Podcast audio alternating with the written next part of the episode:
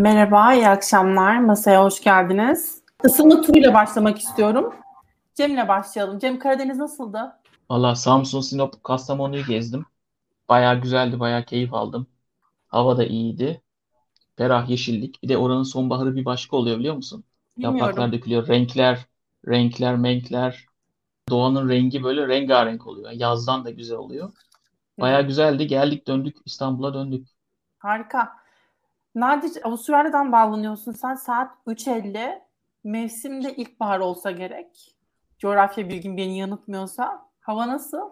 Rezalet. Rezalet mi? Yani diyecek bir şey bulamıyorum. Hakikaten rezalet. Şaşkınız havanın ne yapmaya çalıştığını anlayamıyoruz şu anda.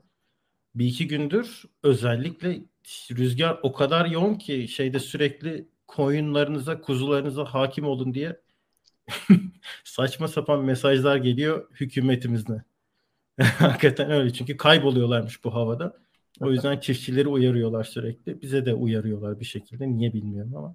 Hakikaten çok kötü hava yani. Daha yazza yaklaşmamız lazım şu sıralar. Hiçbir şey yok. Gerçi kuzeyde Queensland falan şu an 35 dereceymiş.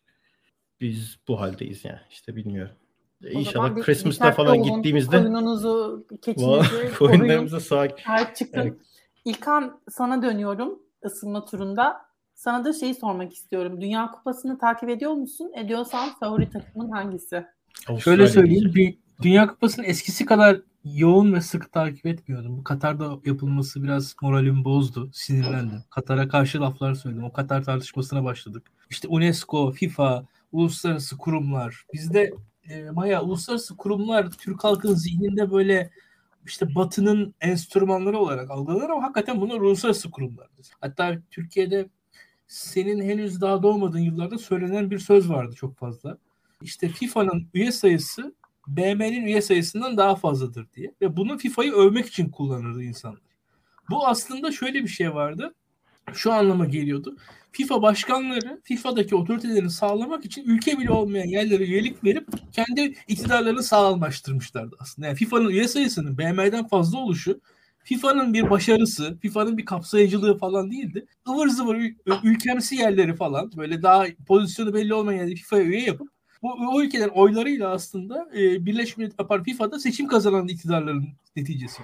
Biz buradan geldik e, saçma sapan bir Dünya Kupası organizasyonunun açıkçası. Katar'da olmasına rezalet olarak bakıyorum. FIFA'nın da UEFA'nın da ben hiçbir şeyine saygı duymuyorum. Devam edeyim bu tartışmaları da gördük açılışında. Yani UNESCO falan da dahil. Yani Birleşmiş Milletler de yani orada hani FIFA'dan daha iyi de Birleşmiş Milletler de öyle çok temiz, pürüpak bir kurum değil. Onu da söyleyelim. Yani şöyle söyleyeyim. Yani bizde böyle BM karşıtları e, daha böyle yerli milli falan açıdan karşı çıkıyorlar. BM'nin gayet yerli milli de açıkçası savunabilirler yani. O kadar çok da karşı çıktıkları kadar bir kurum değil yani. Birleşmiş Milletler, UNESCO falan gibi kurumlar ki o kurumlar hemen hemen e, her gittikleri yerlerde zaten o yerli milli tavırları takınarak yani o şöyle söyleyelim o kurumlar her yerde o ulusal sınırları tamamen azami saygıyı göstererek hatta gereksiz bir saygıyı da göstererek işleyen kurumlar bence. E, o açıdan da yani biraz algılarla gerçeklikler arasındaki, arasındaki uyumsuzluğu yaşadık diye düşünüyorum.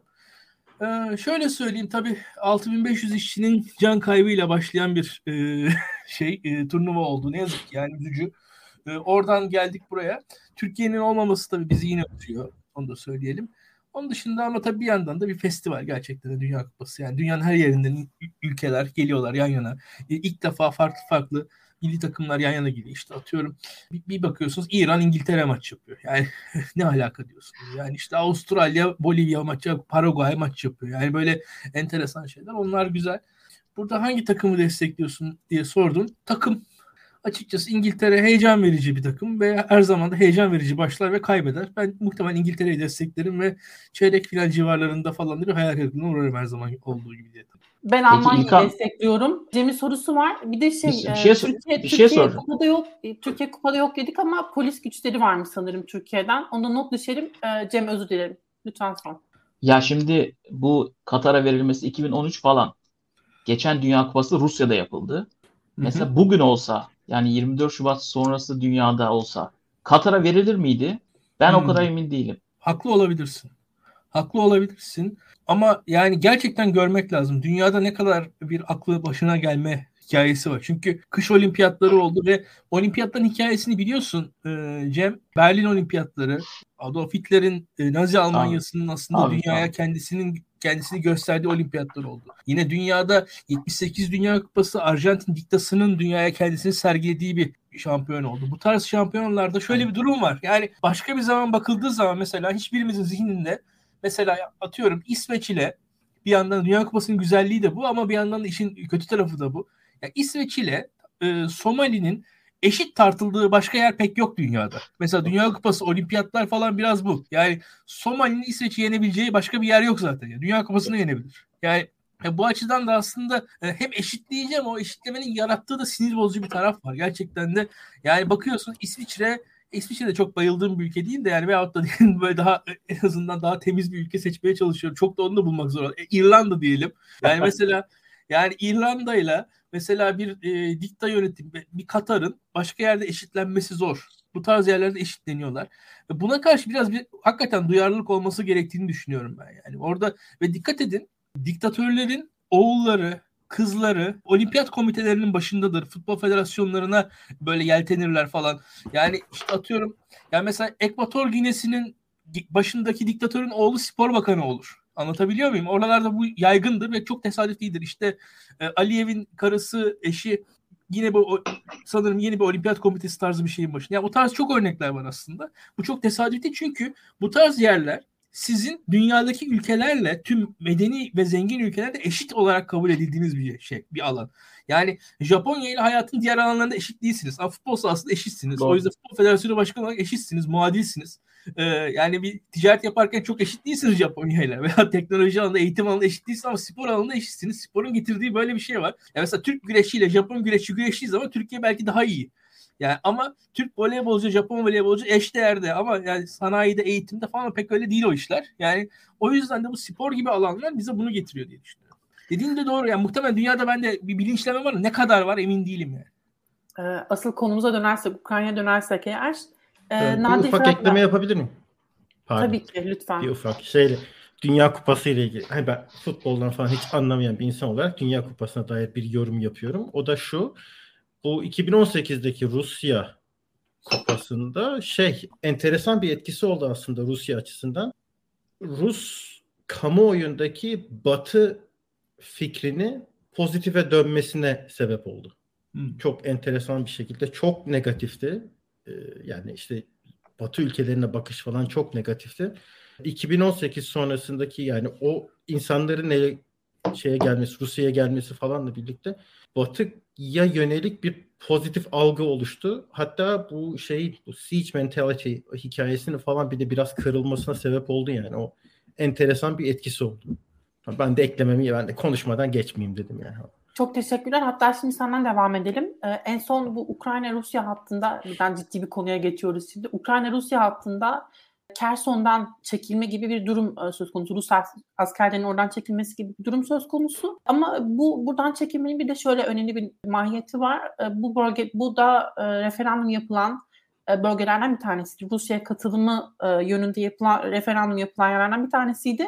Ve Rusya bu toprağı kaybetti ama ne yani tamamen mi kaybetti sonra işte Rus askerleri Putin'in ve Rus e, taraftarların iddia edildiği gibi tekrar hazırlanıyor mu yeniden bir sürece bilmiyoruz. Sen nasıl değerlendirdin ve savaşın gidişatı hakkında neler söylüyor sence e, Kerson'dan çekilme meselesi? Bu Herson'dan çekilme yani gereklilik bir askeri gereklilik olarak ortaya çıkmış bir şey. Çok fazla Rusya kamuoyuna kabul ettirilebilecek bir şey değildi tabii ki. Zor bir karardı. Fakat Harkiv'deki çekilme gibi bir durumla karşılaşmamak için Herson'dan çekilmeyi ve daha düzenli çekilmeyi, saldırılar yoğunlaşmadan çekilmeyi tercih ettiler gibi görünüyor. Bu tabii dediğim gibi Rusya kamuoyuna da izah edilmesi gereken bir şey yani. Burası bizim toprağımız. Hatta geçen gün televizyonda kimdi Rusya'da şey diye eleştirdi. Şimdi yani ben Herson'un savunulmasını yani Herson'dan çekilmesini savunsam şey oluyor. Vatan haini oluyorum ama hakikaten yani yasal olarak orada bir yani yargılanma yargı sürecine girmiş olacak. Fakat Herson'da kalınmasını savunsam bu sefer de orduyu demoralize ettiğim için yargılanmam gerekecek diye böyle iki arada bir derede kaldı insanlar da. Tam ne yapacaklarını ne söyleyeceklerini bilemediler.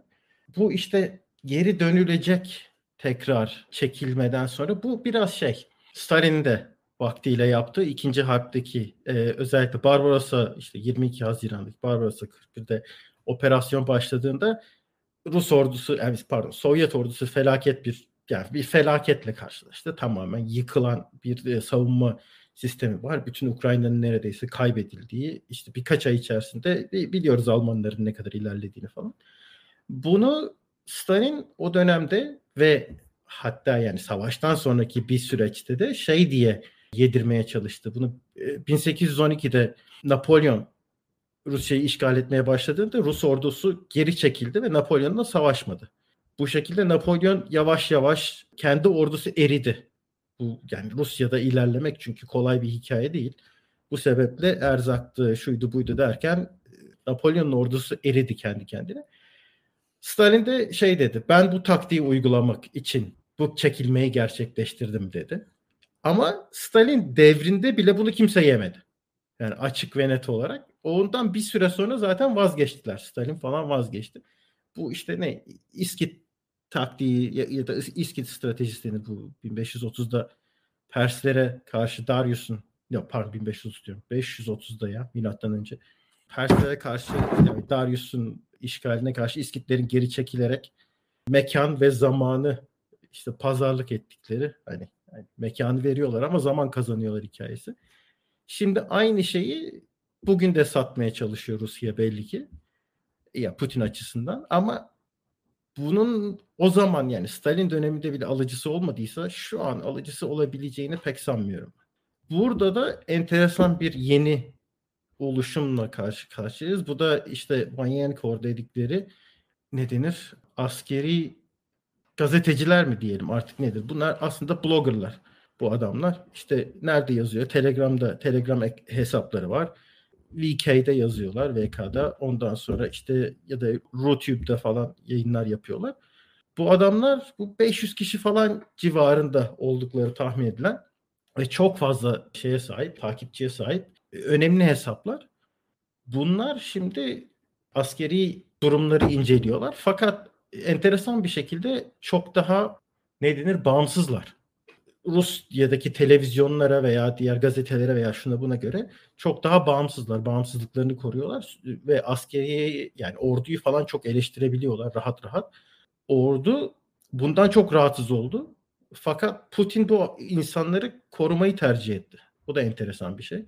Yani açık olmalıyız falan gibi bir şey söyleyerek bu insanların bu işte ne denir e, bloggerların diyelim korunmasını tercih etti. Bunun da sebebi birkaç sebebi var. Birincisi herhalde şöyle bu insanlar çok milliyetçi bir ekip.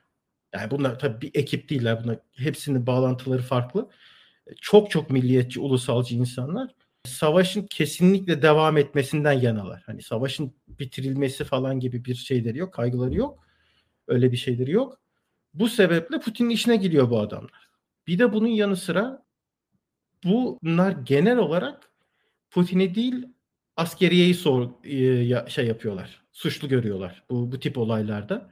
Burada da işte Putin biraz kamuoyunun çünkü çok fazla takipçisi olan insanlar ve Rusya'daki televizyonların ve gazetelerin şunun bunun tamamen e, kredibilitesini yitirdiği bir ortamda bu insanlar daha kredibilmiş gibi ortaya çıkıyorlar. E Putin de işine geliyor. Bu Herson olayından sonra da pek çoğu şeyi suçladı. Askeriyi suçladılar yani. Ordunun yetersiz olmasından, şundan bundan bahsettiler. Bu şekilde de bir yerde kamuoyuna bu olay biraz satılmış oldu yani. Ama nedir? Dediğim gibi bir askeri gereklilik sonucu yapılması gereken bir şeydi. Düzenli bir çekilme gerçekleşti. Yani tabii zayiat falan verildi ama Harkiv'e göre çok daha düzenli bir e, şey gerçekleşti. Bir de şimdi Ekim ayında biliyorsunuz genel komutanı değişti. Ukrayna'yı şey yapan, Ukrayna'dan sorumlu olan Svorekin geldi.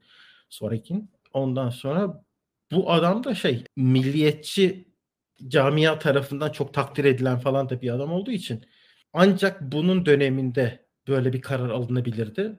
Yani milliyetçiler de çok fazla yargılamayacakları falan bir karardı.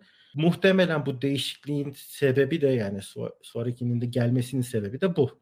Ama iki gün sonra tabii o da başka bir şeyden suçlanıp yani işte günah keçisi yapıp onu da yollanabilir yani tabii ki.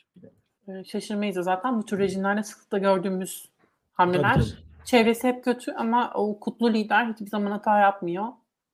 Bilmiyorum tanıdık geldi mi? Cem e, sana dönerken aslında evet Rusya çekildi belki her sondan e, ama bunun ne ölçüde bir çekilme olduğu meselesi hala güncelliğini koruyor. Savaşın ne kadar sürebileceğini çok öngöremiyoruz. Ve bu tür çekilmelerde özellikle Rusya gibi rejimlerde daha agresif adımların gelebilme ihtimali de söz konusu. Burada da en fazla tartıştığımız aslında tüm dünya kamuoyu olarak taktik nükleer silahlar kullanılır mı? Sen bunun gerçekçi bir ihtimal olduğunu düşünüyor musun ve savaşın devamına ilişkin ne tür tahminlerin var, ne tür notların var? Valla her şeyden önce ilk bir başa bakmak lazım. Hani biz Türkiye'de de muhalefeti bu konuda biraz değerlendiriyoruz ya. Yani sizin siyasi okumanız ve siyasi analiziniz ne kadar doğruysa ortaya koyduğunuz söylem ve sahaya sürdüğünüz unsurlar da o kadar etkili oluyor. Şimdi Rusya bu işe girerken, Putin diyelim, Putin bu işe girerken 3 günde Ukrayna'yı düşürürüm hesabıyla girdi. Ve tüm askeri hazırlığı, tüm diplomatik hazırlığı, ekonomik hazırlığı buna yönelikti. Ama e, görülüyor ki e, belli şeyler atlanmış. Yani Amerika'nın 2014 Batılıların diyelim Batılıların 2014'ten beri Ukrayna ordusunu yeniden organize etmesi, e, bu savaşa hazırlıklı olmaları, asla teslim olmayacağını e, görülmesi bunlar bunlar hep atlanmış. Burada bir kurumsal çöküş var Rusya devlet açısından. Yani sonuçta e, Putin önüne bazı raporlar gidiyor. Belli ki hiçbir şekilde bunlar göz önüne alınmamış ve burada büyük bir kurumsal çöküş var. Bu kurumsal çöküşün sonucu da Rusya ordusunun bu savaşa hazırlıklı olmaması ve şu an Şubat ayından beri işte ne kadar oldu? 8-9 ay oldu. 8-9 ayda Rusya ordusunun parantez içinde ya bu Rusya ordusudur bir yerde döndürür bu kadar da olmaz denilen her şey neredeyse oldu. Şu an inisiyatif tamamen Ukrayna ordusunda. Ukrayna ordusu saldırıyor. Rusya çekiliyor ve ateşkes istiyor aslında. Yani ateşkes alıp yeniden toparlanmak, yeniden reorganize olmak istiyor. Böyle bir durumdayız. Hele hele kış, kış ayları öncesinde. Yani dolayısıyla artık Rusya'nın bu konuda sahada direnecek, konvansiyonel yollarla direnecek pek bir alanı yok. Bir sürü boşluğu var. İnsan kaynağı boşluğu var. Bu insan kaynağı boşluğunu doldurmak için bir mobilizasyon, bir e, seferberlik ilan etti. 300 bin kişiyi aldı. Bugün bir açıklama geldi. Anton Gerashenko'dan bu İçişleri Bakanı'nın danışmanı etkili bir isim Ukrayna'da şeyi iddia etti. Ocak'ta bir tane daha seferberlik olacak ve e, 700 bin kişiyi bu sefer e, asker alacaklar diye. Yani bir yandan insan kaynağını böyle doldurmaya çalışıyor. Öte yandan mühimmat boşluğu var. E, üç gün önce Washington Post yazdı. Washington Post'a sızdırmışlar. E, Rusya ile İran ortak SİHA üretimi için Rusya'da olacak bu üretim. E, anlaşmaya vardılar. Yani Rusya'da SİHA üretecek İran ve Rusya'nın hizmetine verecek. Yani böyle bakarsak Rusya e, hani savaşı bitirelim, ateşkes yapalım, bir oturalım, konuşalım, müzakere edelim e, çizgisinin çok uzağında savaşı uzatacak uzun bir savaş hazırlanıyor. O yüzden ben savaşın uzayacağını düşünüyorum. Kış aylarında bu nasıl devam eder? Yani askeri uzmanlar, okuduğum askeri uzmanların çoğunluğu kışın savaşın durmayacağını, devam edeceğini söylüyorlar. Ancak tabii burada ikmal hatlarına daha yakın olan, yani kendi sahasında oynayan diyeyim Ukrayna olduğu için Ukrayna bu konuda daha avantajlı kışın. Yani Ruslar cephede kışın oldukça zorlanacaklar. Bu kesin belli. Zaten bu yüzdendir ki Ukrayna'nın altyapısını vuruyor Rusya. Yani onu elektriksiz bırakmak, e, ısıtmasız bırakmak istiyor. Dünya Sağlık Örgütü pazartesi günü bir açıklama yaptı. Yani 3 milyon bu kış 3 milyon Ukraynalı daha Ukrayna'dan ayrılacak tahmininde bulundu. Çünkü elektrik yok, ısıtma yok. Ee, zaten Ukraynalı yetkililer de dış, dışarıdakilere, yurt dışındakilere ülkeye bir süre gelmeyin. Ya bu kış gelmeyin dediler. Yani açıklama yaptılar. Bu kış ülkeye gelmeyin çünkü e, yeterince insanı ısıtacak, onlara elektrik verecek bir şu an altyapımız yok dediler. Yani Rusya'nın önündeki opsiyonları sorduğun soruya gelirsek baktığımız zaman kış için oldukça zor şartlar onları bekliyor. İnsan kayıplarını, insan kaynağı sorunlarını azaltmaya çalışıyorlar. Mühimmat sorunlarını azaltmaya çalışıyorlar. Ukrayna'nın altyapısını vuruyorlar. Ve bir yandan da olursa olursa bir ateşkes istiyorlar. Şimdi opsiyonlar arasında Belarus'u oyuna sokmak var ama Belarus'u bir türlü oyuna sokamadılar. Ee, Belarus da başına gelecekleri biraz biliyor diyeyim. Kendisi de o bataklığa gitmek istemiyor. Bir o konu hep duruyor ve hep uğraşıyorlar bununla. Bir diğer konu taktik nükleer silahlar. Taktik nükleer silahları normal nükleer silahlarla karıştırmamak lazım. Bunların dozajı azaltılmış. Atıyorum bir taktik nükleer silah bir hava üstünü yok edebiliyorsunuz. Ee, tabii ki zarar, zararlı radyasyon yayıyor. Yani insanlık için büyük büyük bir dehşet bir şey. Ama e, kullanabilir mi? Bu masada opsiyon olarak duruyor. Putin'in savaşı tırmandı, tırmandırmayacağına dair hiçbir emare yok elimizde. Putin bu savaşı uzatabileceği kadar uzatmak istiyor. Asla kaybetmek istemiyor. Çamura battığının da farkında. İşte biraz önce saydığım hamleleri yapıyor. Suçlu olarak demin Nadir Hoca söyledi orduyu gösteriyorlar. Şoygu'yu gösteriyorlar suçlu olarak. Yani elinin altındaki kişilere serbest e, yorum yapabilen kişilere Şoygu'yu hedef göster göstertiriyor. Şu an Şoygu savaştaki bu başarısızlığın faturasının kesileceği kişi olarak önümüze çıkıyor. Dolayısıyla böyle bir kış geçireceğiz. Ben Ukrayna'nın sahada daha da avantajını devam ettireceğini, Rusya'nın ikmal hatlarını vurarak hareket alanını daraltacağını e, ve Rusya'yı daha fazla toprak kaybı vermeye zorlayacağını düşünüyorum. Bir konu var, onu eklemem lazım. Yani şu sırada Rus Rusya ile ateşkes yapmak yani amiyane tabir enayilik olur. Yani al kardeşim sen kendini toparla, silahlarını ikmal et, insan kaynağını topla, sonra savaşalım demek gibi olur. Bu çok saçma. Ukrayna da bunu biliyor zaten. Fakat Amerika'dan kapı arkası diplomasiyle bir uyarı geldi Ukrayna'ya. Yani bu kadar masadan kaçar gözükmeyin. Bu diplomatik olarak zor durumda bırakır dediler. Çünkü Zelenski'nin önceki açıklamaları asla oturmayacağız masaya. Yani oturmamızı istiyorlarsa toprakları terk etsinler. Kırım dahil. O şekilde otururuz dediler ama Amerika'dan böyle bir uyarı geldi. Zaten bu uyarı sonucunda da G20 zirvesinde Zelenski 10 maddelik bir barış planı açıkladı. Yani içerikte bir şey yok 10 madde yani okuduğunuz zaman somut bir şey anlamıyorsunuz diye ama masadan kaçıyor gözükmemek için e, Ukrayna'da böyle bir hamle yapıyor. Dediğim gibi sert bir kış bizi bekliyor. Bakalım ben Rusya'nın gerilemesini bekliyorum. Cem çok güzel özetledin gerçekten. Şimdi hem bir izleyici sorusu var hem benim bir sorum var. İlkan'a soru paketi atmak istiyorum. Gürhan Bey diyor ki Rusya'nın çekilmesi Ukrayna ve halkını kara kış şartlarına altyapı yok ederek bağırırken o bayağı şey virgülsüz okuyamadım şimdi. Yani savaşın uzatılması meselesi aslında Cem'in de bahsettiği Putin'in en, en önemli e, amaçlarından bir tanesi bu noktada en fazla şu an sanırım bunu amaçlıyor gibi gözüküyor. Tabii burada bazı e, hesaplar da var. Özellikle Ukrayna'nın Amerika'nın desteği olmadan hareket kabiliyetinin çok sınırlanacak olması meselesi. Hatta devam edemeyecek olması meselesi. Ve Amerika'da da biliyorsun ara seçimler yapıldı. Bir yandan Batı kamuoyunda işte enflasyon tartışılıyor. Almanya'da özellikle gaz tartışılıyor. Bütün bu karmaşık denklemi göz önünde bulundurduğunda sen neler bekliyorsun önümüzdeki günlerde? Gerek Nadir gerek e, çok güzel özetlediler. Bir defa Rusya'nın savaşın başında bizim gördüğümüz kadarıyla bir stratejisi vardı. Havadan uçağı birlik harekatıyla Kiev'in yanındaki işte havalimanını alıp oraya arkasında Antonovları indirip bir anda böyle Kiev'de neredeyse darbe yaparak iktidarı ele alacaklardı. Olmadı o. Ukrayna ordusunun hızla dağılacağını öngördüler. O da olmadı sınır hatlarında. Arkasından strateji değişti.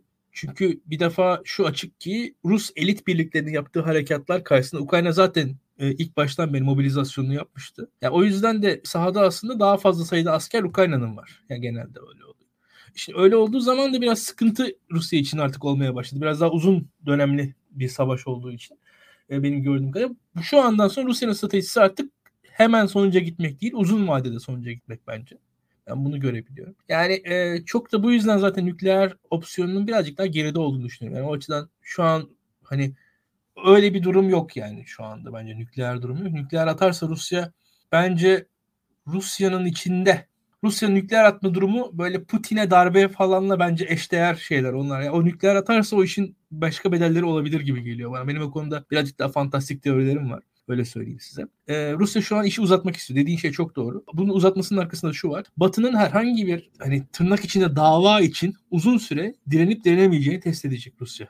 Elinde şu an tek güç bu Rusya'nın. Nedir bu? Dediğin gibi enerji fiyatları, gıda fiyatları vesaire Batı'daki enflasyon, Batı'nın aslında Rusya'ya destek vermekten caymasını sağlamaya çalışacaklar. Burada işte Amerikan senato seçimleri seçimlerinde gördük Rusya'nın işte umutlarını, umutsuzluklarını. İşte tekrar Trump döner mi dönmez mi? Ya Rusya Rusya artık bunlara güveniyor bence. Yani Rusya'nın şu andan sonra güvendiği şeyin ben bunlar olduğunu düşünüyorum. Kendi ittifakı diyebileceğimiz tırnak içinde ülkelerden ne kadar destek alıyor diye dersek Belarus'tan bir destek alıyor belli seviyede dediği gibi. Yani Belarus destek veriyor ama kendisi çok işin içine olabildiğince girmemeye çalışıyor. Zaten Belarus'un yönetimi öyle bir yönetim. Onun dışında İran'dan yoğun bir destek aldığı açık net gözüküyor. E, dronlar vesaire.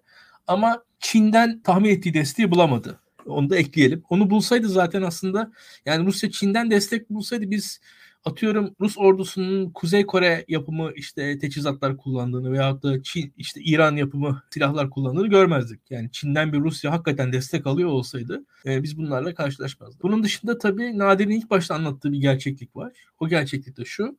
Rusya ordusuna dair tüm bilgilerimiz, tüm yorumlarımız hepsi hatalıymış. Yani neden hatalıymış aslında? Onları da düşünmek lazım. Bir Rusya'nın kendi içerisindeki rejiminden kaynaklı bilgi hataları olduğunu düşünüyorum. Ve bunun dışında da ben birazcık daha yine komplocu bakışla Amerikan silah askeri endüstriyel kompleksinin de bu yalanları şişirmekte katkı verdiğini Rusya'ya düşünüyorum. Yani Amerikan tarihini bilirseniz John F. Kennedy'nin seçilme şeklinde işte misal, misal gap muhabbeti vardır, tartışması var. İşte Rusların misil e, nükleer füzeleri bizden daha fazla. Biz biz arayı açacaklar. Ruslar bizi yakalayacak falan. Ya aslında öyle bir şey yoktu. Amerikan ordusu 1950'lerde de aslında Rus ordusundan çok daha güçlüydü ama orada Amerikan toplumunda Sputnik konusunda Rusya'nın uzay yarışında birazcık önde olduğunu görerek yaşanan korku yarattığı bir ortamda işte misil e, yani nükleer füze şey eksikliği öyle bir Amerikan halkını korkuttular ve Amerikan halkından da neredeyse aya gidecek kadar parayı vergi olarak toplamayı başardılar açıkçası. Benzer şeylerin yine yaşandığını düşünüyorum. Rus ordusunun abartıldığını Amerika'da uzun süredir ve bu tüm dünyanın silahlanmasının e, yolunun böyle açıldığını görüyoruz bu savaşta. Bugün Amerikan ordusu kendi bütçesinin neredeyse yüzde beşiyle onuyla Ukrayna'ya verdiği destekle Rus ordusunun yarısını yok etti. Yani bakılırsa aslında Amerika'nın tarihindeki en tasarruflu savaş bu. Bu konuda biz de zamanında belki onu da e, onu da söyleyelim. Ronald Reagan 1980'lerde Türkiye'ye yapılacak askeri desteği savunurken tam da bundan bahsediyordu. E, Rus ordusunun karşısında bir Amerikan askeri koymaktansa Türk askeri koymanın Amerika'ya getirdiği mali, mali faydadan bahsetmişti ve bu Türkiye'de çok konuşulmuştu zamanında. Biraz da bunu hatırlıyorum ben. Ukrayna ordusu gerçekten yani Ukra- mesele şudur. Biz bu destekleri, stratejileri konuşuyoruz da ya. Aslında şu var Ukrayna'nın savaşma iradesi gerçekten olayı değiştiren şey bu yani. Amerikan ordusu falan filan biz bu dünya falan biz bu stratejiler hepsi hikaye. Yani en sonunda Ukraynalılar savaşmayı tercih ettiler. Rusya Ukraynalıların savaşmayı tercih etmeyeceğini düşünüyordu. Bu tüm dünyayı şaşırtan ve değiştiren şey Ukraynalıların savaşma iradesi olmuştur bence. Ben biraz hem kendi liberal görüşlerime yakın olduğu için hem de açıkçası daha da anlamlı bu. Çünkü yoksa Amerika'nın desteği birçok yerde var. Yani Amerika'nın desteği birçok yerde var ama burada savaşılabilir bir ortamda Ukraynalılar savaştılar diye düşünüyorum. Ee, bunun dışında tabii ki Cem çok net belirtti. Rusya'nın artık elindeki kaynak enerji altyapı testini vuracak vurmaya devam eder diye tahmin ediyoruz. El, elinde ama şöyle söyleyeyim ki Rusya'nın hassas güdümlü füze mühimmat sıkıntısı çektiği de açık. Onlar da gözüküyor. Buna karşında şunu söyleyelim. Nadir'den ben bu konularda merakla bir şeyler söylemesini istiyorum. Yani şunu gördük. Mesela bazı silah sistemleri daha öne çıktı bu savaşta. İlk başta herkes dronlardan bahsetti ama topçuların ve roket atarların neredeyse birazcık daha domine ettiği bir savaş hikayesi dinlemeye başladık ve burada şunu görüyoruz. Ukrayna topçusunun şu anki sarfıyla Batı'dan aldığı destek ne kadar devam edebilir? Ve Batı hakikaten Ukrayna'yı sonuna kadar destekler ve burada hiçbir sıkıntı yaşanmaz mı? Yani Ukrayna'nın tedariğinde bir sıkıntı doğabilir mi Ukrayna ordusunun? O konuda da Rus tarafından gelen ya aslında Batı da 2023 ortalarında vesaire Ukrayna'ya artık destek veremez hale gelebilir. Onların da artık kendi e, rezervlerinden, kendi mühimmat depolarından verebilecekleri şeylerin sınırlarına doğru gelinebilir deniyor. Böyle bir ihtimal var mı hakikaten? Biraz da bu konuda senin fikirlerini ben merak ediyorum diye ekleyeyim. O zaman alalım o fikirleri. Şöyle bir genel toparlamaya çalışayım ben de. Şu an şimdi evet biz şöyle bir durum var. Rusya çok iyi bir performans göstermiyor. Başından beri göstermedi. Çok büyük eksiklikleri var. Fakat başarmaya çalıştığı şeyi zaten yani başarmaya çalıştığı şey çok büyüktü. Bunu bir kere en baştan düşünmemiz ve görmemiz lazım. Yani şu anda şu anda Ukrayna'da kontrol ettiği alan Yunanistan boyutunda. Yani hani muazzam bir ülkeden bahsediyoruz. Yani çok büyük bir coğrafyadan bahsediyoruz. Nüfusu çok büyük bir ülkeden bahsediyoruz. Yani ortalama bir hesapla işte bir, bir buçuk milyon askeri olmadan başarılabilecek bir şey değildi bu. Bu açık. Fakat ne olabilirdi? Ee, sınırlı hedefler konularak bu sınırlı hedefler başarılmaya gayret edilebilirdi. Bu ilk baştaki operasyonel ve işte stratejik amaç e, belli yani rejim değiştireceğiz ve her şey değişecek şeklindeydi. Çünkü çok enteresan. Ukraynalıların kendileri de Ukrayna ordusu da çok şaşkınlar. İlk operasyon başladığında hava kuvvetleri, Rus hava kuvvetleri veya Rus işte güdümlü füzeler şunlar bunlar hava saldırıları hiçbir şekilde askeri hedefleri vurmadılar. Yani askeri mühimmat ya trenlerle şey cepheye yani tank falan bilmem ne taşınıyordu Ukrayna tarafından. Rusya hiçbir şekilde müdahale etmedi. Çünkü hedef hiçbir şekilde büyük bir savaş değildi yani. Bu, bu kesin. E, baştan bu şekilde kurgulandığı için olay ve şey de çok enteresan hani B planı olmama, olmadan yapılmış bütün bu işler. O, o çok aşikar. Hatta şeyde gördük yani hava taarruzunun bütün hava operasyonunun planları o kadar detaylı planlanmış falan her şey iyi ama bir şey yok yani contingency plan yok. Hani ulan bu iyi gitmezse ne yaparız gibi bir şey düşünülmeden yapılmış belli ki operasyonun bütün planlaması hiçbir ikinci plan gibi bir şeye düşünülmemiş. Bu olunca tabii bir yerden sonra strateji değişmek zorunda kaldı. Esasında ilk başta yapılması gereken daha sınırlı amaçlara geçilerek bunlarda bir başarı elde edilmeye çalışıldı. Şu anda gelinen nokta muazzam tabii insan kaybı var.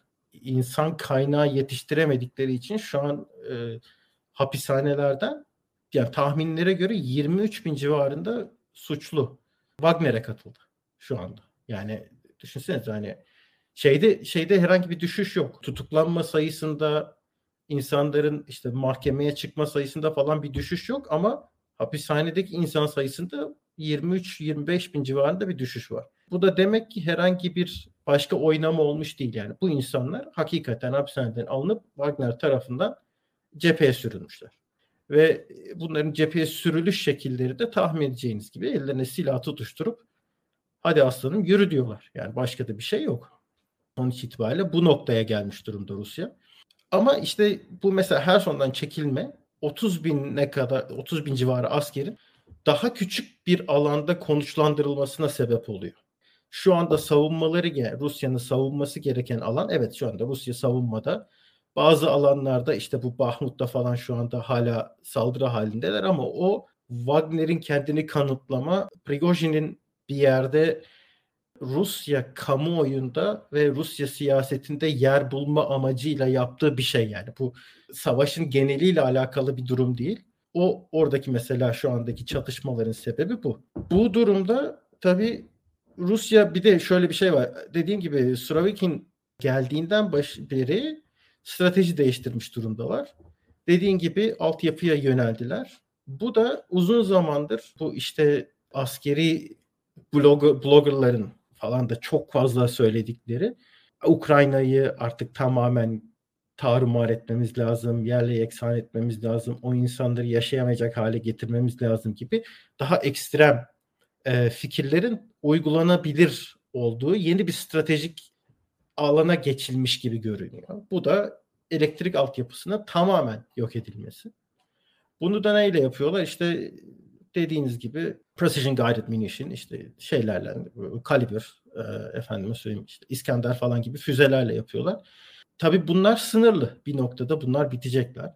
Fakat bu İran'la yapılan Şahit 136'nın anlaşması, üretim anlaşması. Bunlar işte loitering ammunition denilen bir yer üzerinde gezerek intihar dalışları yapıp orayı kendileriyle birlikte patlatan silah sistemleri, ucuz sistemler bunlar. Şu anda daha çok onlar kullanılıyor gibi görünüyor ve e, İran'dan bu alınıp daha çok Rusya içerisinde üretilmeye başlanacak. Çünkü artık şu an Rusya 3 e, var diye bütün E, silah sanayi 3 var diye çalışıyor ve hafta sonları izin yok. Yani tamamen full bir şekilde çalışmaya başlamış durumdalar. Bir şeyleri yetiştirmek için. Yani bunun yanı sıra işte dediğin gibi Kore'den, İran'dan, şuradan buradan e, silah alıyorlar. Fakat şimdi hava savunması, Ukrayna hava savunması da bu tip hava saldırılarına, e, intihar saldırısı yapan dronlara karşı falan kendini yani çok aktif şekilde çalışıyor. Galiba saldırıların %50 civarında falan bir kısmını engelleyebiliyorlar. Fakat bu bence birinci öncelikli Ukrayna'nın e, birinci öncelikli sorunu şu an için.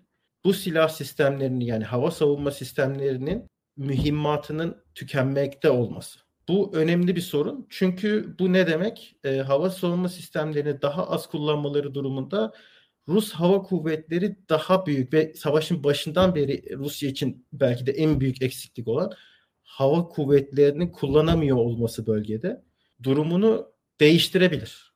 Ve bu yani Batı müttefiklerinin birinci öncelikli olarak destek vermeleri gereken kısım şu anda hava savunma sistemleri ve bunun nasıl yenileneceği ya da mühimmatın nasıl sağlanacağı konusunda bir çözüm bulmak. Öncelikli sorun bu. Onun haricinde evet kış geliyor.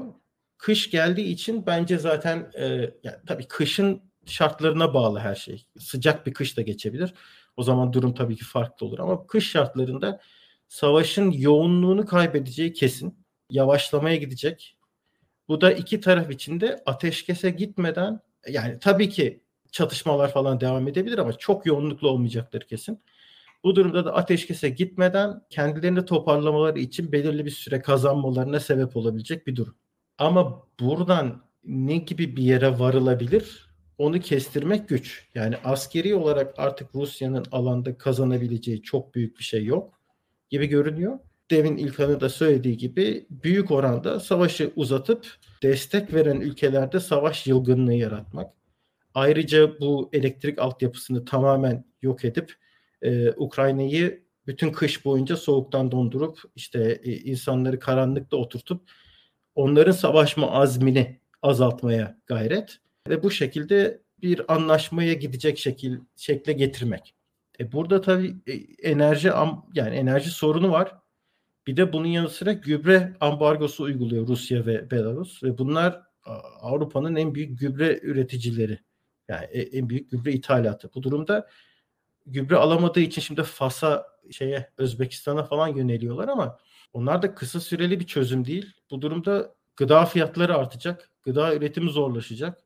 Yani 2023'ün ortasına kadar veya belki de hatta gelecek senenin sonlarına kadar Rusya uzatarak bu tip işte enerji sorunu yani şu anda enerjiyle ilgili esasında çok bir sorun yok. Çünkü neden? Çünkü artık depolar doldu. Dolum süreci gerçekleşti. Avrupa kışın en azından soğukta kalmış işte şey olmayacak. Karartmalar olmayacak, şu olmayacak, bu olmayacak. Ama seneye yaz ayları geldiği zaman tekrar dolum sürecine gidildiğinde bu sefer daha muazzam enerji fiyatlarıyla karşılaşılabilir. Bir de Amerika'da 2024'te biliyorsunuz yeni seçim yani başlıyor ve Amerika'daki bu süreç bir sene önceden başlar genel olarak. Onun da etkilerini göreceğiz. Oradaki desteğin ne kadar devam edebileceği konusunda da bazı etkileri göreceğiz gibi. Şimdi bu durumda işte böyle bir durum. Yani bu Rusya uzatmaya çalışıyor. Ukrayna'da elinden geldiğince Rusya'ya baskı uygulayarak sahada savaşı kazanmaya çalışıyor. Rusya da daha genel olarak stratejik alanda kazanmaya çalışıyor. Şimdi İlkan bir soru sormuştu pardon ben onu da bir cevaplayayım da şu e, silah sistemleriyle ilgili. Silah sistemleri ben teknoloji fetişizmini veya silah sistemi fetişizmini e, yani her zaman hayatım boyunca anlamsız buluyorum. Çünkü hiçbir silah bir savaşın kazanılmasına sebep olmaz tek başına. Yani çok fazla e, değişkeni olan bir olay bu. E bununla ilgili mitler mitler çıktı tabii. Neden? İşte yani nükleer silahın Japonya'nın teslim olmasına sebep olması gibi bir mesela savaşın gidişini tamamen değiştirmesi gibi bir mitolojik anlatı var ki gerçek değil. Ya da işte bu e, Stinger füzelerinin Afganistan'daki Rusya yani Sovyet güçlerinin oradan çekilmesine sebep olması falan gibi. Burada bizde de ama şimdi bunlar sahada birebir etkili olan şeyler değiller ama bir, bu işin bir de psikolojik yanı var tabii ki. E, psikolojik olarak etki sahibi olan şeyler.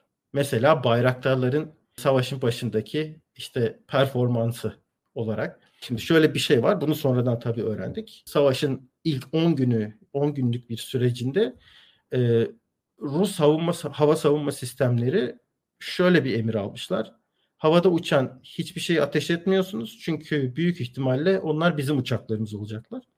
Çünkü sistemler benzer olduğu için kendi uçaklarını da yani Ukrayna uçakları yerine kendi uçaklarını vurma ihtimalleri falan olan bir durum.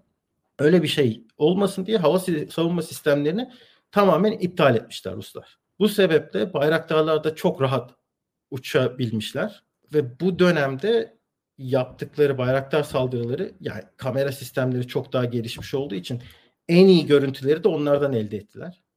Ve Ukrayna bunu bu görüntüleri depolamış. Öyle bir depolamış ki 10 günlük sürede yaptıkları saldırıları e, aylarca bakın saldırı yapıyoruz diyerek sa- sattılar yani. Böyle bir şey var.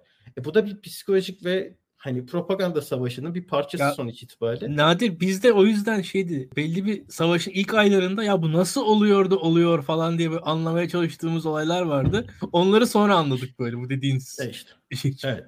E işte öyle oldu. Bayraktar yani evet etkili bir sistem olabilir ama savaşın ilk 10 gününden sonra çok da fazla etki göstermiş bir sistem değil açıkça. Yani bazı şeylere yaramış ama çok daha fazla psikolojik etkisi olmuş. Çok daha fazla propaganda değeri olmuş. O konuda büyük bir etki sağlamış. Aynı şekilde muhtemelen Bayraktar üretim yani şirkete de muazzam bir propaganda e, şeysi oldu. Yani bu şekilde bir e, faydası olmuş oldu. Hatta belki işte bilmiyorum hani Erdoğan sonrası süreçte e, Erdoğan'a yakın isimlerden Bayraktar ailesinin sadece böyle e, kendi başına ayakta kalabileceği bir şey oluşturmuş oldu yani. Gibi belki bilmiyorum. Benim böyle bir düşüncem var. Çünkü artık ondan bağımsız olarak hareket edebilecekleri bir destekleri olmuş oldu. Çok inanılmaz bir PR yapmış oldular yani. Türkiye'nin Türkiye'nin koşullarında evet hava savunması olmayan e, işte terörle mücadele içerisinde çok rahatlıkla kullanılabilecek güzel bir sistem tabii ki ama yani Ukrayna-Rusya savaşında o kadar kullanılabilen bir şey değil. E aynı şekilde HIMAR sistemleri de evet etkililer ama çok fazla birleşenin bir araya gelmesiyle etkililer. Yani sadece tek başlarına oraya koysanız onlar da bir savaş kazanmıyorlar aynı şekilde. Yani topçunun da çok fazla abartılmaması gerek. Yani orada istihbarat döngüsü olmasa o sistemlerinde çok fazla fayda getirebileceği bir durum yok yani. İlkan cevabını almışsındır umarım. Mirza Akdeniz'in sorusu var. Aslında normalde bu konuyu kapatıp Türkiye'ye geçmek istiyorum zamanla daralırken ama Mirza Akdeniz 10 lira bağış yaptığı için soruyu sormak zorunda hissediyorum kendimi. Wagner'in etkisinin artması Rus ordusunun hükümetle ilişkisinde nasıl değişikliğe yol açıyor? Bu Putin iktidarını ne kadar zayıflatıyor? Çok kısaca alabilir miyim? Wagner'in etkisi sadece Wagner'in etkisi artmıyor. Bütün güvenlik aparatının bileşenlerin etkileri artıyor. Bu da Putin'in tam olarak isteyebileceği bir şey değil. Çünkü şu güne kadar yani bunu daha önce söylemiştim. Putin'in en önemli başarısı halktan destek alarak güvenlik aparatını dengeleyebilecek, arkasına halka alarak güvenlik aparatını dengeleyebilmesiydi. Şöyle diyelim, Rusya'daki checks and balances denen şey güvenlik aparatı içerisindeki kavgalardır. Başka checks and balances yoktur yani denge denge sistemi yoktur. Putin bunun üstüne çıkabilmişti. Anlatabiliyor muyum? Hani o bu şekilde başarılıydı. Şimdi işte bölgesel orduların kurulması yani bölgesel yani ne diyelim Tuva Cumhuriyeti'nin mesela kendi askeri birliklerinin oluşturulmasına izin verildi. Orada Tuva'dan toplanacak insanlarla bunlar cepheye gideceklerdi falan. E, cepheye gitmek yerine Tuva'da şey oldular. E, orada bir güç haline geldiler ufakça. Putin'in diğer başarısı da Rusya'yı merkezileştir. Çünkü Rusya'nın hep yani böyle döngüsel olayı merkezin kuvvetlenmesi, pardon, merkezin dağılması, sonra tekrar kuvvetlenmesi, sonra tekrar dağılması üzerinedir. Putin'in işte 20 yıllık başarısı merkezi kuvvetlendirerek kendini de merkeze yerleştirmesiydi. Şimdi bu Wagner etkisi, işte Kadirov'un etkisinin artması, diğer güvenlik aparatlarının etkilerinin artması savaşla birlikte sonucunda Putin'in tam olarak artık kontrolünde olmayabilir işler. Ama bu demek değil ki hani her şey kontrolden çıkıyor. Hayır. Çünkü e, bu güvenlik güçleri yani güvenlik aparatları da sonuçta arbitrer olarak arbitrer bir insan arıyorlar. Yani ortada denge bulucu, dengeleyici bir insan da arıyor olabilirler. Ama böyle bir şey var. Evet güvenlik aparatları kuvvetlendiler. Wagner de bunlardan bir tanesi. Cem çok kısa alayım. Ya şimdi Nadir Hoca'nın dediği doğru. Bu Wagner'in başkanı olsun, Kadyrov olsun bunlar çok böyle Putin'e yaklaşabilecek, Putin seviyesinde yorum yapabilecek insanlar değilken şu an çıkıyorlar, orduyu eleştiriyorlar. Şöyle yapılsaydı, böyle yapılsaydı diyorlar. Savunma Bakanı'nı eleştiriyorlar, Şoygu'yu eleştiriyorlar. Yevgeni Prigozhin, bu Wagner grubunun sahibi devamlı konuşuyor. Mesela Kadirov da aslında bir savaş ağasıydı. Yani Çeçen bir savaş ağasıydı. Yani Rus ordusuna kelle kazandırmakla mükellef bir, birisiydi. Şu an gayet etkili ordu içinde yani Rusya'nın güvenlik aparatının önemli insanlarından biri haline geldi bu 8 ayda. Enteresan tabii. Çok teşekkürler.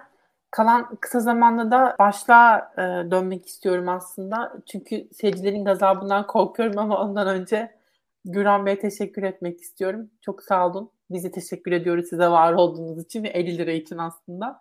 E, Egemen Nizamoğlu'na da teşekkür edelim. E, biz de sizi seviyoruz görmeden bile. Güzel yorumlar olmak çok güzel değil mi ya? Benim çok mutlu oldum. Tamam o zaman şey e, başa dönelim o zaman. İlkan sen hep diyorsun ki kibrit çaksa Türkiye'nin çevresinde bu Erdoğan'a yarar. Kibritler çakıyor ki yani hiç durmadan kibrit çakıyor hatta. Olmayınca Erdoğan gidip kibriti başka yerde de e, çaktırıyor gerekirse icabında. Ve bakalım gidişat ne gösteriyor olacak seçimlere doğru ilerlerken sen hem e, bu konuda neler bekliyorsun özellikle Rusya-Ukrayna özelinde yorumlarını alalım. Ee, şimdi şöyle söyleyeyim. Türkiye'nin etrafındaki herhangi bir ülkede herhangi bir şekilde bir e, düzensizlik olduğu zaman Türkiye'deki iktidar esnek yönetme ilkeleri gereğince bundan faydalanmanın yollarını buluyor diyeyim. En kibar şekilde böyle anlatayım. Bir defa Türkiye'de şu olayda da şöyle bir durum yaşanıyor. Türkiye orta boy bir ülke bir defa. Orta boy bir ülke dünyadaki iki büyük ülke savaştığı zaman değer kazanır. Ne olursa olsun. Yani Rusya ile Amerika anlaştığı zaman Türkiye'nin yapacağı çok şey kalmaz. Yani orada Türkiye'nin pozisyonunun değeri azalır. Rusya ile Amerika'nın belli bir seviyede çatışma halinde olması Türkiye gibi ülkelere değer katır. Türkiye'nin ne olursa olsun stratejik olarak yapabilecekleri şeyler genişler diye düşünüyorum. Burada da bunu bir defa yaşıyoruz biz. Yani bugün Tayyip Erdoğan'ın öyle ya da böyle nazı Putin'e daha çok geçiyordur. Yani en basitinden söylemek gerekirse ve biz bunu görüyoruz. Yani ve Erdoğan'ın şu anda mesela Suriye'ye operasyon yaptı, yapmadı falan tartışılıyor. Türkiye bugün Suriye'de bu kadar rahat hareket ediyorsa arkasında e, bu Ukrayna Savaşı'nın net bir etkisi olduğuna inanıyorum ben. E, devam edeyim. Bütün bunların yanında Tayyip Erdoğan dünya tarafından başarısız bir ekonomi yöneten, insan hakları karnesi e, zayıflarla dolu, eskimiş bir lider olarak e, ortaya çıkacaktı. Türkiye işte cezaevleri gazetecilerle dolu. Medyası baskı altında bir ülkenin otoriterleşmiş, neredeyse belki otoriterleşme yolunda bir lideri olarak gözükecekti. Fakat bugün öyle ya da böyle bakarsanız Tayyip Erdoğan dünyanın işte en büyük 10-15 ordusundan birine sahip G20 ülkesi 780 bin kilometre karede 85 milyon 90 milyon nüfuslu bir ülkenin lideri olarak dünyada bir şekilde bir itibar görüyor. Yani çünkü dünyada siz çatışma yap yani çatışma, güç, işte Nadir'le tartışıyoruz. Bayraktar dronları şöyle mi etkili oldu? Topçular böyle mi etkili oldu? Himarslar şöyle mi etkili oldu? Şimdi bu bu bu tartışmanın içine girdiğiniz zaman sizin e, cezaevinde kaç gazetecinizin olup olmadığı meselesi bayağı arka planda kalıyor ister istemez. Yani ve bir defa Erdoğan'ın bir de bu önünü açıyor. Yani sonuçta Erdoğan neredeyse Batı tarafından özellikle eski liderler e, yavaş yavaş geri plana çekildikçe dışlanacak lider. Yani Trump gibi, Merkel gibi, Boris Johnson gibi liderlerin geriye çekildikçe aslında Erdoğan'ın da muhatapsız bile kalması ihtimali vardı Batı'da. Ama bu savaş Erdoğan'ı bir defa bir muhatap haline getirdi. Yani onu görmek lazım ve onun yarattığı bir alan var öyle ya da böyle. Yani şu anda Türkiye iyi bir noktada değil onu biliyorum ben. Yani ama daha kötü bir noktada olacaktık açık net. Yani şu anki hükümetle, şu anki e, iktidarla. E, Putin konusuna geri döneyim. Soçi'deki bu son buluşma, Erdoğan'la Putin'in buluşması. Yani orada yapısal belli yani kamuoyuna açıklanmayan da benim tahminime göre belli sözler verildi. Ne karşılığında verildi, nasıl verildi bilmiyoruz. Ya ama ben ona inanıyorum açıkçası ve bu Soçi'deki anlaşmada artık Türkiye ile Rusya yani e, stratejik ortak denmez ama yani belli konularda biraz bir yoldaşlık noktasında gelindiğini düşünüyorum ben. Ha bu e, tabii ki asla Türkiye bir Belarus olmayacak. Olmaz yani. Olamaz. Türkiye'den öyle bir şey çıkmaz. Herhangi bir hükümet de çıkmaz. Ama Türkiye'nin öyle ki bu savaştan şöyle söyleyeyim. Şu anki halinden mümkün olacak en yüksek şekilde nemalanmaya çalıştığını görüyoruz. Bunu yani benim tahmin ettiğim kadar Türkiye maddi nemalanamayacak ama. Bunu da görebiliyorum. Bunu da şundan dolayı Rusya benim zannettiğimden daha kötü bir şekilde yeniliyor şu anda. O yüzden benim zannettiğim kadar nemalaнаmayabilir. Çünkü Rusya'nın öyle bir gücü kalmayabilir. Yani Türkiye'nin yani şöyle bir durum var. Rusya Türkiye ile o pazarlıkları yapamayacak durumda kalabilir diye düşünüyorum bir yerden sonra. Özellikle bu belki nadir yorumlar. Kuzey yakımdaki sıkıntılar ve Batı'nın enerji konusunda az çok belli bir düzen sağlamış olması Türkiye'yi biraz ve hatta şöyle o Kerç Köprüsü'ndeki vurulma falan ben orada artık yani Rusya bazı konulara sınırlara geldi diye düşünüyorum ben. Yani Rusya'nın öyle öyle e, yani şu an Türkiye'deki evet Erdoğan müttefik Putin'in ama Erdoğan iktidar tutmak için Putin'in yapabilecekleri şeyler bundan bir yıl önce yapabilecekleri şeylerden daha az artık diye düşünüyorum. Yani Putin'in imkanları da azalıyor şu anda. E, görebildiğim bu. O yüzden Erdoğan da Putin imkanları azalması ama Erdoğan'ın kazanacağını değiştirmiyor. Erdoğan yine kazanıyor savaştan. Çünkü Batı'yla bu sefer e, yaptığı işbirliğiyle de yine Batı'dan da nemalanmanın yollarını Türkiye ve Erdoğan hükümeti bulabiliyor diye düşünüyorum. Birkaç şey de var yani belki şekilde... hani güncel olduğu için hani bu Suriye meselesinde e, kare harekatına e, izin verilmesi meselesinde Suriye işte Rusya'nın izin vermediği yine de işte biraz daha temkinli yaklaştığı meselesi. Belki bilmiyorum onda not düşmekte yarar vardır. Ya tabii ki not düşmekte yarar var ama şöyle söyleyeyim ben Türkiye ile Rusya belli bir anlayış birliği içerisinde hareket ediyorlar. Ha şu anki şöyle söyleyeyim yine de Rusya'nın o çatışmalarda ne kadar eli yükselteceğinden emin değilim ben artık. Yani Türk askeri bombalandı bundan bir buçuk yıl kadar önce neredeyse. Bugün bugünkü Rusya onu yapamaz diye düşünüyorum. Hatta şöyle söyleyeyim bir buçuk yıl önce iki yıl önce Türk ordusundaki yani üst kademeyi saymıyorum bile. Yani ortalama bir yüzbaşı, bir teğmen karşısında bir Rus askerini gördüğü zaman o asker onun karşısında bir silah doğrulttuğu zaman yapacağı hareketle bugün bir Türk teğmeninin, bugün bir Türk erinin onbaşısının yapacağı hareket aynı değil olmayacaktır bence. Bu savaşın öyle bir sonucu var. Yani Rusya'nın caydırıcılığının ben azaldığını düşünüyorum. Ortalama bir askerin gözünde ve bu bunu sahada ne zaman görürüz bilmiyorum ama bunun sahada bir sonucunu görürüz. Yani önümüzdeki iki yıl içerisinde tahminime göre Suriye'de özellikle Rusya'nın caydırıcılığının azalmasının etkisini görüyoruz. Bu, bu yani şu an benim ne dediğimi nadir anladı. Bazı izleyiciler anlamamış olabilir ama yani ben çünkü ortalama bir askerin karşısında Rus askerini gördüğü zaman yani bundan diyelim ki 3 yıl önce ne kadar çekiniyorsa bugün çok daha az çekindiğini tahmin ediyorum. Bu Ukrayna Savaşı'nı da bizim gibi onlar da izliyorlar. Bunlar da insan. Hani o insan faktörünün getirdiği bir şey var. Onu sahada görebiliriz gibi geliyor bana. Bunun sonuçları ne olur onu bilmem. O ayrı mesele. Onu ekleyeyim. Ve bunun dışında da belki Nadir e, bizim kadar görmüyordur. Yani e, Türkiye'de Nadir e, uzun zamandır bir batılı turist azalması yaşıyorduk ve bir Arap turist çoğalması yaşıyorduk. Türkiye'deki yabancı insan dediğimiz insanlar genelde doğudan gelen insanlardı. Bu savaşın e, etkisiyle beraber Türkiye'de tekrar bir anda biz böyle sarışın sarışın insanlar görmeye başladık. Hatta ya İstanbul doldu. Antalya doldu. Ankara ve İzmir şu an dolmaya başladı. E, gerçek anlamda e, Rusya'dan ciddi bir geliş var. Ve e, Ukrayna'dan gelişler vardı savaşın başında. Savaşın başında yine Rusya'dan muhaliflerin gelişleri vardı. Şu an şeyin sonrasında seferberliğin sonrasında Rusya'dan benim tahminime göre biraz Putinci de olan Rusya'nın üst orta sınıf e, kesimlerinden de bayağı geliş var Türkiye'ye. Ve bu Türkiye'de şu anda son dönemdeki emlak piyasasındaki hareketlerin arkasında e, ve özellikle kiraların vesaire şu anda sen de kesinlikle bizim gibi görüyorsun. Onun arkasında ciddi şekilde Rus etkisi var aslında. Yani daha öncesinde 2-3 yıl öncesindeki olaylar daha ziyade Arap etkisiyle olan şeylerdi. Veyahut da onların e, zenginlerin Türkiye'ye girip ev almasının etkisini bence görüyorduk birçok yerde. Ama şu an cidden Rusların da çok etkisi var. Bu da e, Türkiye'nin aslında şu var bizim gibi orta sınıf, alt orta sınıf, üst orta sınıf insanların hayatlarını zorlaştıran ama ülkenin makro dengelerini olumlu etkileyen şeyler bunlar. Yani ekonomi zaten biliyorsunuz hani emek sermaye. Türkiye'ye bir şekilde belli para giriyor bu insanlara beraber. E, hükümet bu açıdan nemalanıyor. Bunu da eklemek lazım. Bu da e, gerçekten hayatımıza somut olarak etkileyen bir şey diye söylüyorum. Ee, şeye çarptım da bilgisayara pardon. Ee, alt orta sınıf mı üst orta sınıf mı diye tereddüte düştün. Düzelt hemen düzeltelim seni. Alt orta sınıf ya da alt e, sınıf olarak nitelendirmek daha doğru olur herhalde. Hepimiz temkinli bir şekilde devam ediyoruz. Nadir'i bilmiyorum. Cem umarım e, sen de şeysindir. E, kötü durumdasındır. Ki benim e, lafım doğru olmuş olsun. E, Güran Bey'in son sorusu var ama aslında hep konuştuğumuz bir şey. Yani Erdoğan'ın kazandığı bu kısa vadeli kredinin uzun kısa vadeli kredili değil de bu kredinin uzun vadeli Türkiye'ye ne bedeli olur diye. Türkiye olacak aslında Erdoğan'ın kazandığı kredi de değil bu. Ee, Erdoğan kredi kazanamaz artık. Çünkü tüm güvenilirliğini kaybetti aslında. Hem işte Orta Doğu'daki ortakları olsun hem Avrupa'daki ortakları olsun. Biden'ın hala Erdoğan'ı muhatap alıp almadığı bile şüpheli bana sorarsanız.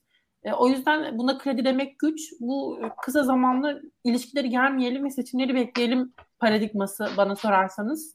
Ona kısaca öyle cevap verebiliriz belki. Uzun vadede umarım seçimler olur ve artık biz yeni bir Türkiye'den bahsediyor oluruz e, bir an önce. O zaman da bu soruda böylelikle kendi kendini ortadan kaldırmış olur diye iyi dileklerle kapatalım. Nadir çok teşekkürler, Cem çok teşekkürler, İlkan çok teşekkürler değerli yorumlarınız için. İyi akşamlar herkese.